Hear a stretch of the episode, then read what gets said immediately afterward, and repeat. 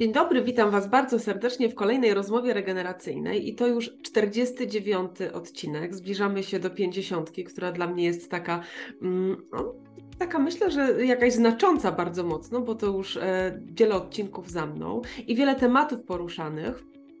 A dzisiejszym tematem e, głównym odcinka będzie język. E, ale w takim oparciu y, szerokim i będziemy rozmawiać o tożsamości językowej, o tym, co się dzieje z naszym językiem. A moim gościem dzisiaj jest Maciej Makselon.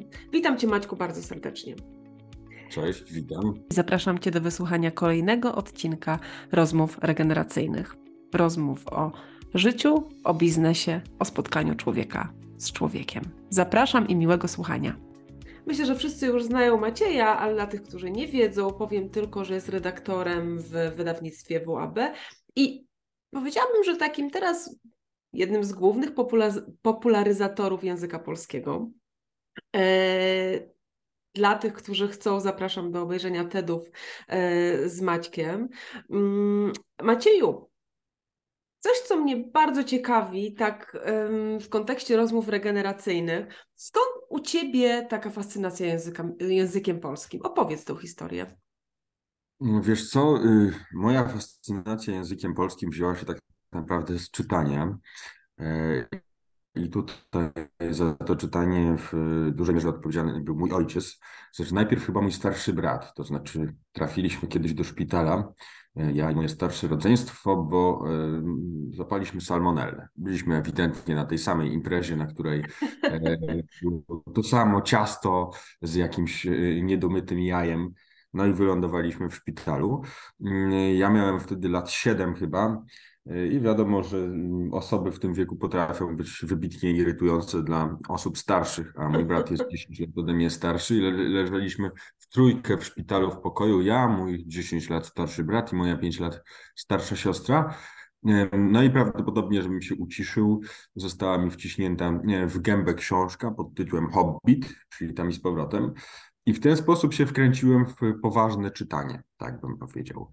E, I to jest e, rzecz, którą potem bardzo podlewał, rozpalał mój ojciec, który tutaj prawdopodobnie dużo za wcześnie podsuwał mi kolejne lektury, bo e, patrząc na to z perspektywy czasu, mm, no, no, y, Kubuś Fatalista i jego pan nie wiem, czy to jest lektura dla dziesięciolatka, czy, czy Lolita jest lekturą dla trzynastolatka.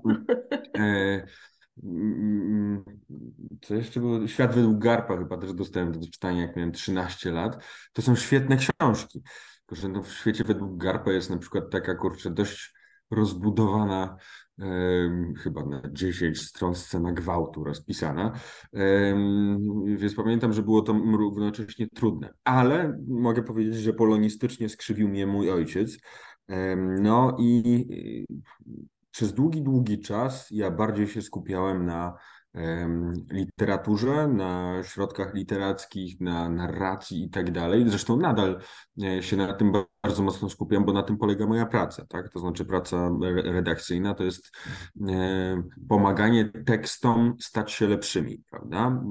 Sprawianie, żeby one w sposób lepszy robiły ludzi w konia, bo tak naprawdę tym jest literatura, to jest robienie ludzi w konia. E, I bardzo mocno skupiałem się na tych aspektach literackich. Głównie pamiętam, że w gimnazjum, w liceum e, niezbyt bawiła mnie gramatyka e, jako taka.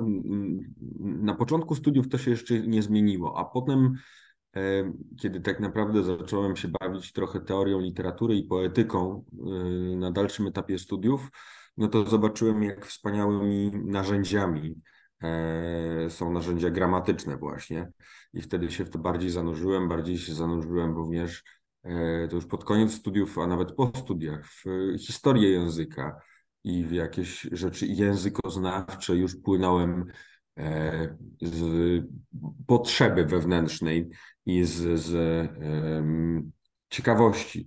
To jest też tak, że w pracy redakcyjnej jest podobnie jak w pracy nie tłumacza, tłumaczki, to znaczy wszystko trzeba sprawdzić, prawda? Ja wychodzę z takiego założenia, ukułem sobie taki y, y, y, pasus na podstawie tego, co mówiła mi na studiach fantastyczna profesorka Tabakowska, wieloletnia tłumaczka Normana Davisa. Jeżeli czegoś nie wiesz, sprawdź. Jeżeli jesteś czegoś pewien, sprawdź trzy razy. Bo to jest tak, że naprawdę bardzo często opieramy się na swoich przyzwyczajeniach, przekonaniach, które są dalekie od prawdy. No i y, y, redaktorzenie również polega na takim fact-checkingu trochę. Trzeba sprawdzić, czy w danym momencie bohater mógł tam być, gdzie był, czy nie wiem, ten sklep nie był zamknięty i tak dalej, i tak dalej.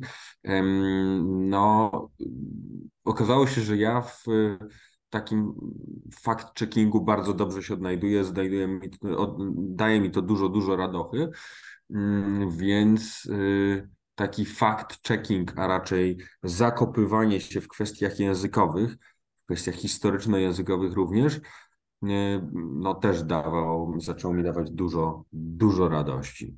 E, I jak znajduję jakieś takie rzeczy, to potem mm, jakiekolwiek rzeczy, które mnie interesują językowo, to potem właśnie znikam zwykle w kwerendzie na e, długie, długie dni. Czyli trochę takie, takie bycie takim detektywem językowym. Trochę tak, trochę, y, trochę tak to działa, że człowiek szuka, szuka, szuka y, po różnych mm, przesłankach się gdzieś porusza, znajduje różnie, różne tropy i nie zawsze znajduje również jednoznaczną odpowiedź, prawda? Bo to nie jest matematyka i nie jest tak, że szukając na przykład korzeni jakiegoś słowa, zawsze dotrze się do jednego konkretnego źródła. Czasami jest tak, że tych źródeł, tych teorii na temat tego, jak dane słowo powstało, co kiedyś znaczyło, z czego się wywodzi, e, jest kilka na przykład i trzeba to przyjąć.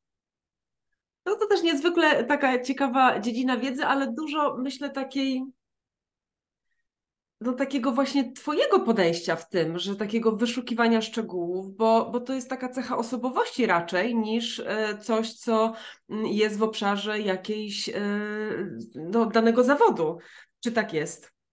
Znaczy, y, w mojej opinii redaktor, redaktorka, zresztą nie tylko mojej, muszą być y, fact-checkerami właśnie. Jeżeli chodzi o dziedzinę naukową, no to tutaj też wydaje mi się, że kwerenda jest absolutną podstawą. To znaczy, to jest coś, co bardzo mnie irytuje w nauce, że dalej są osoby również z tytułami profesorskimi, które okej, okay, coś nam się wydaje, więc tak jest, prawda? No nie. Jeżeli coś nam się wydaje, to sprawdzamy, czy tak jest. Przede wszystkim sprawdzamy, czy tak nie jest. To znaczy, pierwszą, e, e, pierwszym obowiązkiem e, naukowca, naukowczyni w takim momencie jest próba obalenia własnej tezy, prawda? To znaczy, szukamy jej słabych punktów i sprawdzamy, czy ona się dalej trzyma. A nie, no okej, okay, tak mi się wydaje i, i tak jest, więc ja myślę, że to szukanie, szperanie y, jest immanentną cechą mm, pracy naukowej, tak bym powiedział.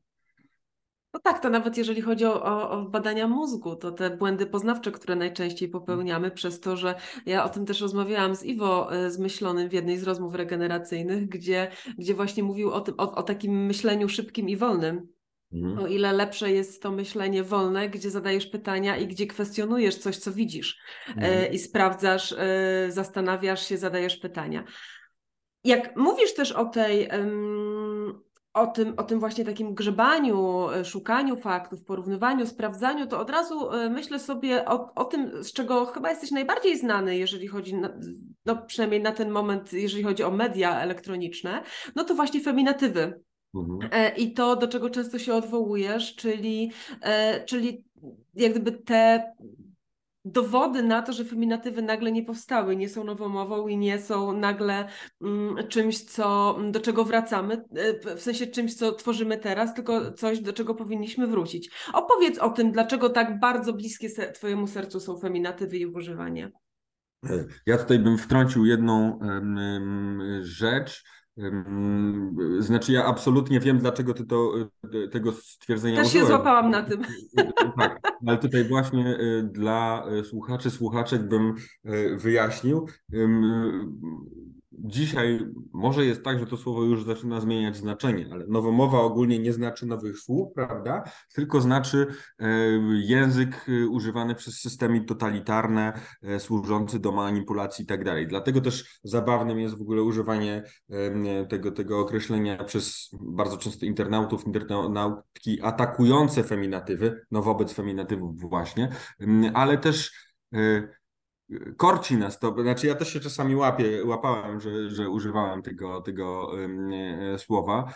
Um, dla, skąd moja miłość do feminatywów? Ja nie wiem, czy to jest miłość, czy to nie jest irytacja po prostu. Aha. To jest tak, że ja wiem, cztery lata temu chyba, widząc kolejny raz e, atak, nie dyskusję, atak na osobę, która użyła feminatywu, to znaczy ktoś gdzieś był na tyle bezczelny, żeby powiedzieć o sobie chirurżka albo napisać w e, lidzie artykułu nasza gościni, e, no i rzucają się na nie kolejne osoby, mówiąc nie masz prawa tak mówić, to jest błąd, e, to jest właśnie nowomowa, to są paskudne, wymyślone przez współczesne feministki formy i tak dalej.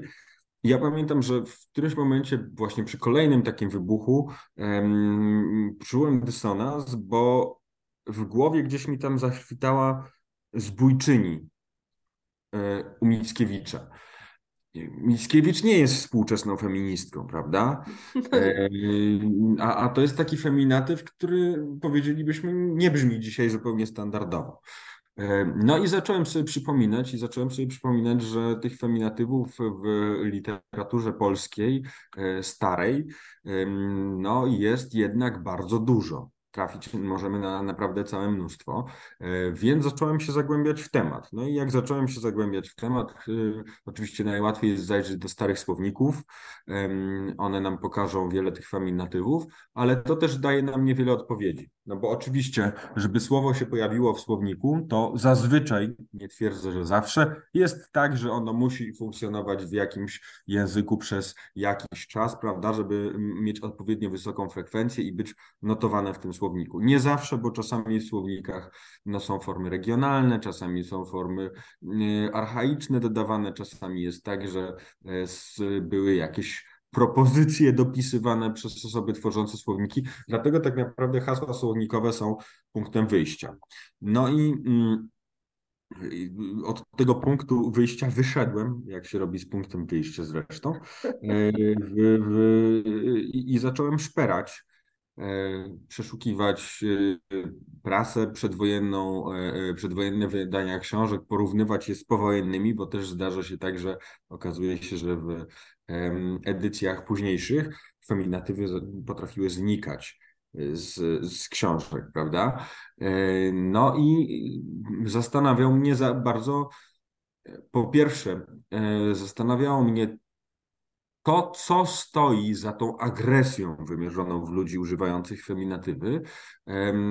No i tutaj mm, jakby poruszając się po tym obszarze można się zorientować, że głównie chodzi po pierwsze o to, że ta kwestia została bardzo, bardzo upolityczniona w sposób zupełnie niepotrzebny.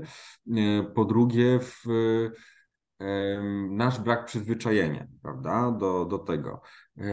No i okej, okay, brak przyzwyczajenia ja jak najbardziej rozumiem i to jest okej, okay, tak długo jak nie staje się powodem do właśnie agresji, tak? To znaczy to, że my do jakiejś formy nie jesteśmy przyzwyczajeni, nie daje nam prawa do atakowania osoby, która tej formy używa.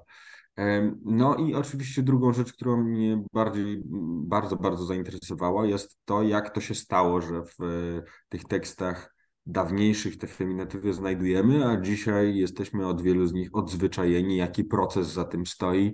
E, no i tutaj nie było jednoznacznych odpowiedzi e, przez długi czas, to znaczy trafiałem na różne tezy, e, no ale brak było mi twardych dowodów na, na to, jak ten proces wyglądał, więc zagrzebałem się w ten temat na ładnych parę lat. Aczkolwiek po, powiedziałbym, że już się wygrzebałem, ale to też nie jest do końca prawda, bo cały czas, mm, kiedy ludzie zadają mi jakieś pytania, no to ja e, hołduję tej zasadzie właśnie, że jeżeli coś mi się wydaje, to muszę sprawdzić. No i sprawdzając, czasami jest tak, że ok, dostrzegam gdzieś jeszcze jakiś mały trop, no i wtedy wiadomo, że po prostu jak, jak jamnik w norę nurkuję, bo, bo mówiąc kolokwialnie, bardzo mnie jara odkrywanie nowych rzeczy, nowych, starych rzeczy w języku, nowych dla mnie, prawda? Super.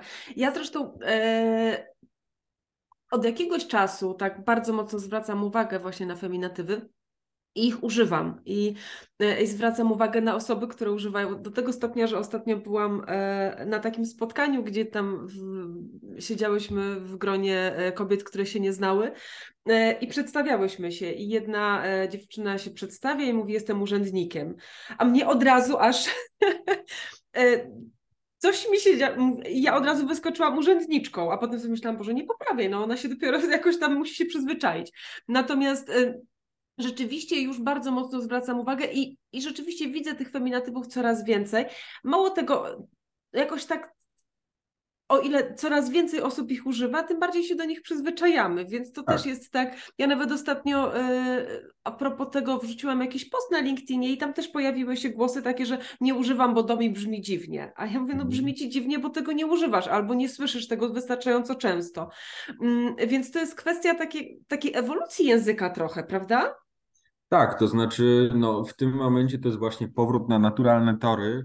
Um, aczkolwiek to jest powrót o tyle ciekawy, że te feminatywy, one były w języku od zawsze, aczkolwiek ich frekwencja nie była bardzo, bardzo wysoka, dlatego że no, wiemy y, y, z historii, że rola kobiet w życiu publicznym była dużo, dużo mniejsza, prawda?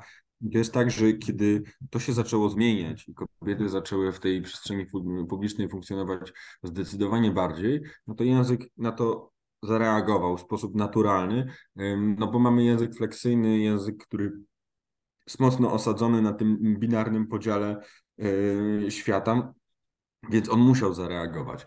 I okres, no powiedzmy, początek ubiegłego wieku i do, do roku 39 to jest faktycznie eksplozja feminatywów. Tam jest, tam jest ich całe mnóstwo.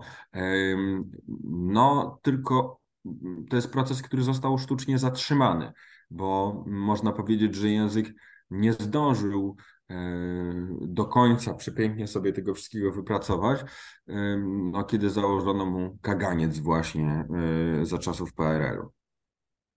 Tak, ale to, o czym mówisz, właśnie rola kobiet i to, jak o sobie mówimy, mm, ja też myślę sobie właśnie o tej takiej tożsamości językowej, czyli to, mhm. kiedy, kiedy rzeczywiście poprzez język y, pokazujemy własną tożsamość, czy jestem kobietą, czy jestem mężczyzną, ale też z tożsamością językową bardzo mnie osobiście wiąże się to, skąd pochodzimy i regionalizmy i gwary e, z różnych regionów w Polsce. I moja taka mm, teza, jaką chciałabym postawić teraz, jest mhm. taka, że e, przynajmniej w moim odczuciu e, te gwary w Polsce są takie wstydliwe. W sensie nie chcemy nimi mówić, e, niechętnie pokazuje, nie, niechętnie używamy słów y, niektórych, które pochodzą z języka gwarowego, żeby nie pokazać skąd pochodzimy, a z drugiej strony, gdy pytamy o to skąd ktoś pochodzi, to jest to ciekawe. Ja pamiętam jeszcze takie mm, e, gry językowe na studiach, gdzie żeśmy siedzieli w jednym pokoju i, i wymienialiśmy się tym, jak się dane rzeczy nazywają w naszych regionach. To było świetne, bardzo, bardzo ciekawe doświadczenie. Jakie jest Twoje zdanie? Czy mm, chcemy używać regionalizmów, czy nie chcemy? Jak to wygląda? Mm, mam wrażenie, że y, niestety to się u nas trochę tępi, u nas w Polsce. E, to jest y, rzecz bardzo, bardzo niefajna. Jest parę osób, które oczywiście e, z tymi gwarami, o, powiedzielibyśmy, że się obnosi i narzuca. Tak samo jak obnoszeniem i narzucaniem właśnie samokorzystanie z feminatywów. Więc można powiedzieć, że Szczepan Twardoch obnosi się i narzuca, bo używa form regionalnych. Nikogo nie zmusza do ich używania, ale posługując się właśnie taką samą retoryką jak w stosunku do feminatywów, moglibyśmy e, ironicznie powiedzieć, że, że narzuca poprzez samo używanie. Jest tak, że e, w Polsce faktycznie mm, te regionalizmy się trochę tępi. E, ja też pamiętam, to jest oczywiście dowód anegdotyczny, ale pamiętam taką sytuację, jestem ze Śląska, był e, w konkurs mowy śląskiej u nas w klasie w podstawówce były ze 3-4 osoby. Niewiele, no bo jednak pamiętajmy, że na Śląsk też sprowadzono mnóstwo tak. ludzi do kraju do pracy w kopalniach, więc to jest tak, że ta gwara się mocno rozrzedziła wśród lokalnej społeczności. Ale było parę osób mówiących gwarą naprawdę do, bardzo dobrze, bo, bo gwarą mówiły w domu. E, I one na ten konkurs nie chciały pójść. Nawet jeżeli to było tak, że to był jedyny e, konkurs w ich edukacji, gdzie naprawdę miały szansę na zwycięstwo na przykład, to nie, dlatego że to było coś wstydliwego, prawda? To właśnie było tak, że tej gwary nie pokazujemy w szkole. Tak to można sobie mówić w domu, jak idziesz do szkoły, musisz mówić poprawnie po polsku. Tylko pytanie, czy gwarowo, czy regionalnie to nie jest poprawnie? To też jest poprawnie, tylko w ramach mniejszego zbioru językowego, prawda? Ja uważam, że te gwary jak najbardziej powinniśmy pielęgnować, dlatego że na tym polega piękna różnorodność naszego języka. My i tak bardzo polszczyznę spłaszczyliśmy. To znaczy, jak popatrzymy na inne języki typu francuski, angielski i tak dalej, to tam to zróżnicowanie regionalne jest dużo, dużo większe, nie tylko na poziomie słownictwa, ale na poziomie e, samej wymowy, akcentowania i tak dalej. No przecież y, trudno jest nawet dogadać się człowiekowi czasami z y, ja już nie mówię, że zwali z, z Londyńczykiem, ale jak będzie się próbował dogadać skauser, czyli, czyli człowiek z Liverpoolu albo skauzerka z y, osobą z Manchesteru albo z Londynu, to tam też może, może być problem. Tak, bo, bo jednak są te różnice duże. I w tym nie ma nic złego. To znaczy, tak naprawdę nie, ja w tym momencie trochę hiperbolizuję, bo oni się dogadają z pewnością. No a to, że ten język jest różny, to przepięknie, że on jest różny. No jest, jest język służy nam do opisywania świata, opisywania rzeczywistości, więc w jakiś sposób musi być również tej rzeczywistości odbiciem, prawda? E, a z, rzeczywistość jest zróżnicowana w sposób wspaniały. Dlaczego ten język ma nie oddawać tego pięknego zróżnicowania? E, niech oddaje, jak najbardziej. Absolutnie się z Tobą zgadzam. Ja, ja pochodzę z Podrzeszowa i e, rzeczywiście u nas tych regionalizmów no, no jest sporo, natomiast ich nie używam na co dzień, ale rozumiem. Dzisiaj nawet sobie odpaliłam jakąś tam stronę z regionalizmami z, e, z e, rzeszowskimi i niektórych słów nawet nie znam. Hmm. Natomiast pamiętam czasy e, dzieciństwa, kiedy moje kuzynostwo przyjeżdżało do nas e, na wieś e, ze Śląska właśnie hmm. i, jak, i jak tak naprawdę to słowa typu daj się karnąć na rowerze, bądź synek, bądź kto, w określeniu chłopaka, weszły też do naszej tak. takiej mowy. Natomiast ja pamiętam sytuacje, w których inne dzieci się na przykład z tego śmiały. Natomiast dla mnie to było zawsze niezwykle fascynujące i ciekawe. Ja w ogóle lubię się bawić, jak gdzieś zasłyszę jakieś takie regionalizmy, y, dla mnie obce. Y, ja czasami lubię sobie wplatać do języka. Uważam to za y, no, bardzo miłe rzeczy. Bardzo lubię ten, ten regionalizm wschodni, nasz podoba się to dla mnie, na przykład z okolic Białego Stoku. Wspaniałe to jest. Spodoba mi się, czy mnie się podoba, to podoba się to dla mnie. I bardzo się to dla mnie podoba, to, to, to, e, ten regionalizm. No, y, u mnie jest tak, że u mnie akurat w domu się nie mówiło po śląsku. Ja ino rozumia, ja nie godom, bo to było tak, że ze strony matki e, rodzina nie była śląska, ze strony ojca tak, no i u nas w domu się właśnie po śląsku, śląsku nie mówiło. Potrafił przełączać tak naprawdę mój ojciec, który mm, na co dzień mówił taką e, literacką polszczyzną e, z centrum Polski, powiedzmy. No, tak mówił w pracy, tak mówił do nas w domu. Po czym jak wchodził do domu rodzinnego swojego, to było, oma, a co jest na wieczerzu? A erkuchy, a i no nie to, ile razy ci godo i, i leciał po prostu na całego E, śląskim. Było to dla mnie absolutnie niesamowite i bardzo mu tego tak naprawdę zazdrościłem. Ja nigdy tego języka nie miałem okazji się, e, języka gwary tutaj, prawda, rzecz kontrowersyjna, jak ten śląski nazwiemy, nigdy nie miałem okazji się tego nauczyć. Oj, no ale wiesz, dla osoby, która go nie zna i jak słucham ciebie, to e, całkiem nieźle, więc myślę, że to też jest kwestia e, osłuchania się, nie? To jest tak, że, że y, oczywiście akcentem, y, akcent jestem bardzo dobrze w stanie naśladować i tak dalej. No wychowywałem się tam. Y, problem jest głównie ze słownictwem, tak? To znaczy ja nie mam bogatego tego śląskiego słownictwa, mam jakiś taki e, drobny zasobik tego. Tak, zresztą ja myślę, że akurat Gwara Śląska, e, tak samo jak e, język kaszubski, to, mhm. to są te, te, mm, te regionalizmy, których no nie sposób zrozumieć, jeżeli jest to rzeczywiście mm, no tak bardzo. W sensie, no jest, jest to bardzo, nie, może być niezrozumiałe dla kogoś, kto jest z zewnątrz. Tak, no bo to są, no Śląski jest wynikową tak naprawdę polskiego, niemieckiego, y, czeskiego, morawskiego, jeszcze ma y, sporo elementów własnych, więc tam faktycznie znając tylko jeden z tych języków może być problem ze zrozumieniem. Mhm.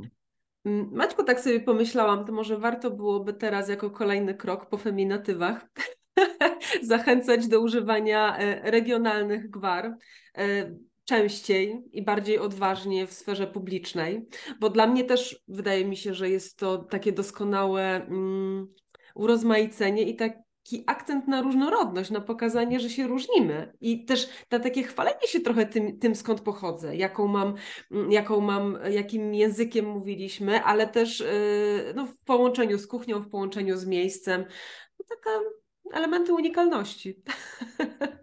Ja, ja bardzo zachęcam i bardzo, y, bardzo nie lubię tego tępienia form regionalnych, y, no ale jest w ogóle nasze takie. Y, my mamy skłonność do poprawiactwa i do stosowania opresji językowej wobec innych, stosowania tej opresji na podstawie tak naprawdę prywatnych standardów estetycznych. To znaczy to, że coś mi się w języku Wydaje. nie podoba, jest powodem do, do poprawiania kogoś innego.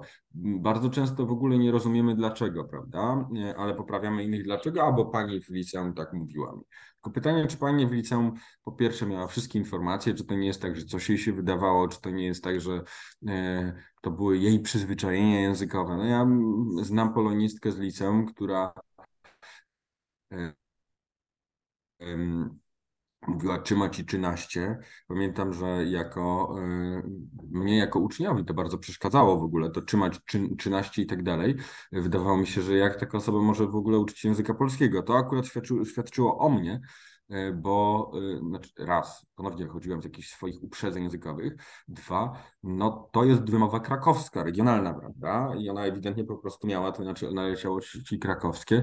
Jeżeli na języku polskim uczyła e, również o polszczyźnie, również przede wszystkim o polszczyźnie centralnej powiedzmy, tej ogólnej, upraszczając w tym momencie bardzo, no to nie ma żadnego problemu, że sama się posługiwała e, momentami, jakimiś naleciałościami regionalnymi. My bardzo lubimy tępić te rzeczy, e, bardzo wiele form regionalnych odbieramy jako błędy i atakujemy, atakujemy za to ludzi.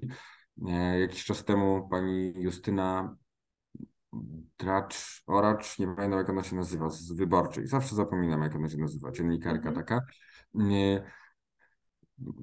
prowadziła jakoś tam rozmowy z panem Januszem Kowalskim no i on powiedział, że czemuś tam trzeba się przyglądnąć e, i ona poczuła ogromną potrzebę poprawienia go na wizji, jeszcze wartościowania tego. E, jeżeli już mamy szanować język polski, to przyjrzeć. Znaczy, po pierwsze, to jest skrajne buractwo, w ogóle poprawianie kogoś publicznie. Tak samo jak nie mówimy komuś, mijając go na ulicy, hej, ale masz chujową czapkę. No nie, to tak samo nie poprawiamy ludzi publicznie językowo. Po, po drugie, e, na wizji jeszcze naprawdę rozmówca, no to jest taka próba upupienia i sprowadzenia do porteru, parteru. Nie powiem, może, może odrobinę rozumiem to pragnienie wobec posła Kowalskiego, tak? Ale mimo wszystko jako, jako dziennikarka powinna tutaj zachować, e, wykazać się klasą, zachować jakikolwiek poziom, no a to było poniżej mułu. No a poza wszystkim nie miała oczywiście racji, bo przyglądnąć jest formą regionalną, charakterystyczną dla e, wymowy krakowskiej, tudzież opolskiej, e, ale już też wariantywną, to znaczy to w ogóle nie może być uznawane za błąd, to się przyjęło w mowie powszechnej. no a tutaj czuła potrzebę właśnie takiego rugowania e, no, z pozycji, nie wiem, osoby, która jest przyzwyczajona do polszczyzny centralnej, znowu upraszczając, co mnie ma obchodzić, że ta pani dziennikarka jest przyzwyczajona do tej polszczyzny? Ona nie ma prawa narzucać tego typu e, e, swoich przyzwyczajeń czy standardów estetycznych innym. E, no nie, nie powinniśmy absolutnie rugować tych rzeczy. Y, rugujemy u ludzi na przykład, że ubrali buty, prawda? Nie można ubrać butów, bo się na siebie nie zakłada. To też jest regionalizm wschodni. Na wschodzie większość ludzi nawet nie wie, że jakby w... Ja też w... ubieram. No tak, ale no, w czym nam to przeszkadza? To znaczy, czy to jest tak, że ten y, regionalizm, ta forma regionalna, przepraszam, ale tutaj się dopomina miłości ewidentnie kocica, która jest. Czym nam to przeszkadza? To znaczy, czy to jest tak, że jeżeli ktoś powie, ubrałem buty, ubrałem kurtkę, y, no czy to jest tak, że nam utrudniło to zrozumienie? Czy my naprawdę mogliśmy pomyśleć, że on tę kurtkę w coś ubiera, no nie, no wiadomo, że on ją zakłada na siebie, prawda? To, to nie jest tak, że tutaj powstała blokada komunikacyjna w wyniku, e, e, w wyniku użycia tego gwaryzmu. Więc naprawdę powinniśmy odrobinę zluzować w tej materii. I może po prostu włączyć sobie takie pytanie, o ciekawe, że tak powiedziałeś, bo u mnie się mówi zupełnie inaczej. Mhm. Na przykład, skąd to wynika?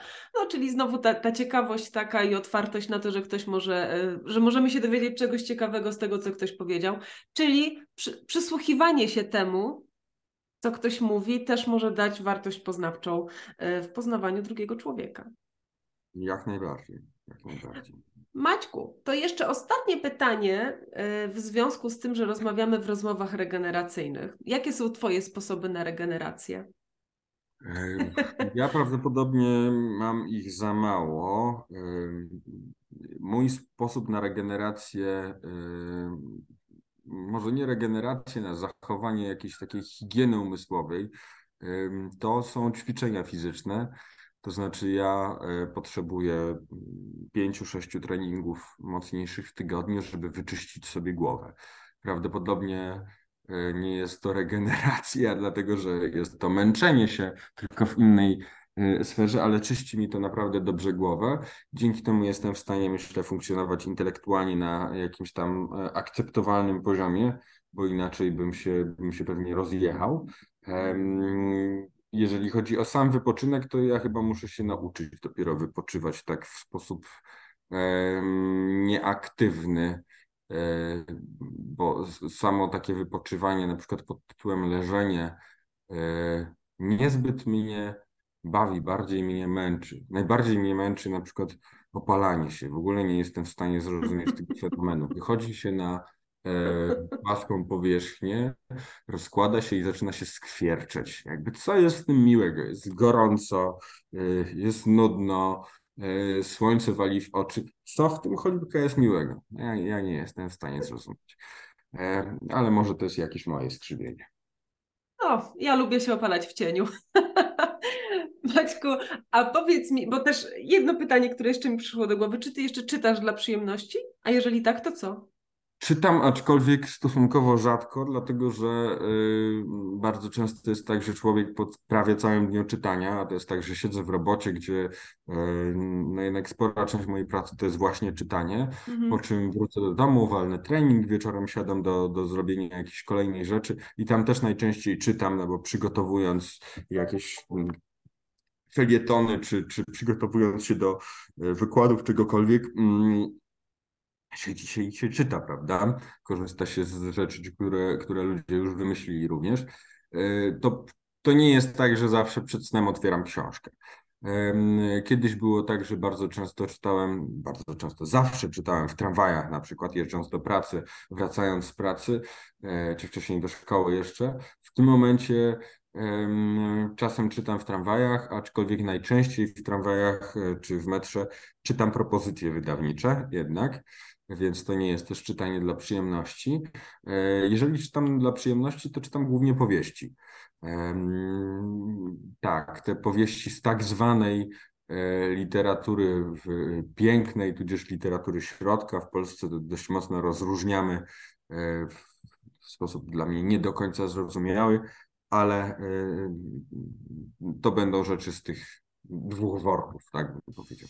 Maćku, bardzo dziękuję Ci za tą fantastyczną rozmowę. Mam nadzieję, że przynajmniej trochę zachęciliśmy słuchaczy do tego, żeby z większą otwartością słuchać innych i z większą otwartością posługiwać się swoim językiem i jego być może regionalizmami, tym, co charakteryzuje nasz język. Nie wstydzenia się tego, tylko patrzenia na to z większą ciekawością.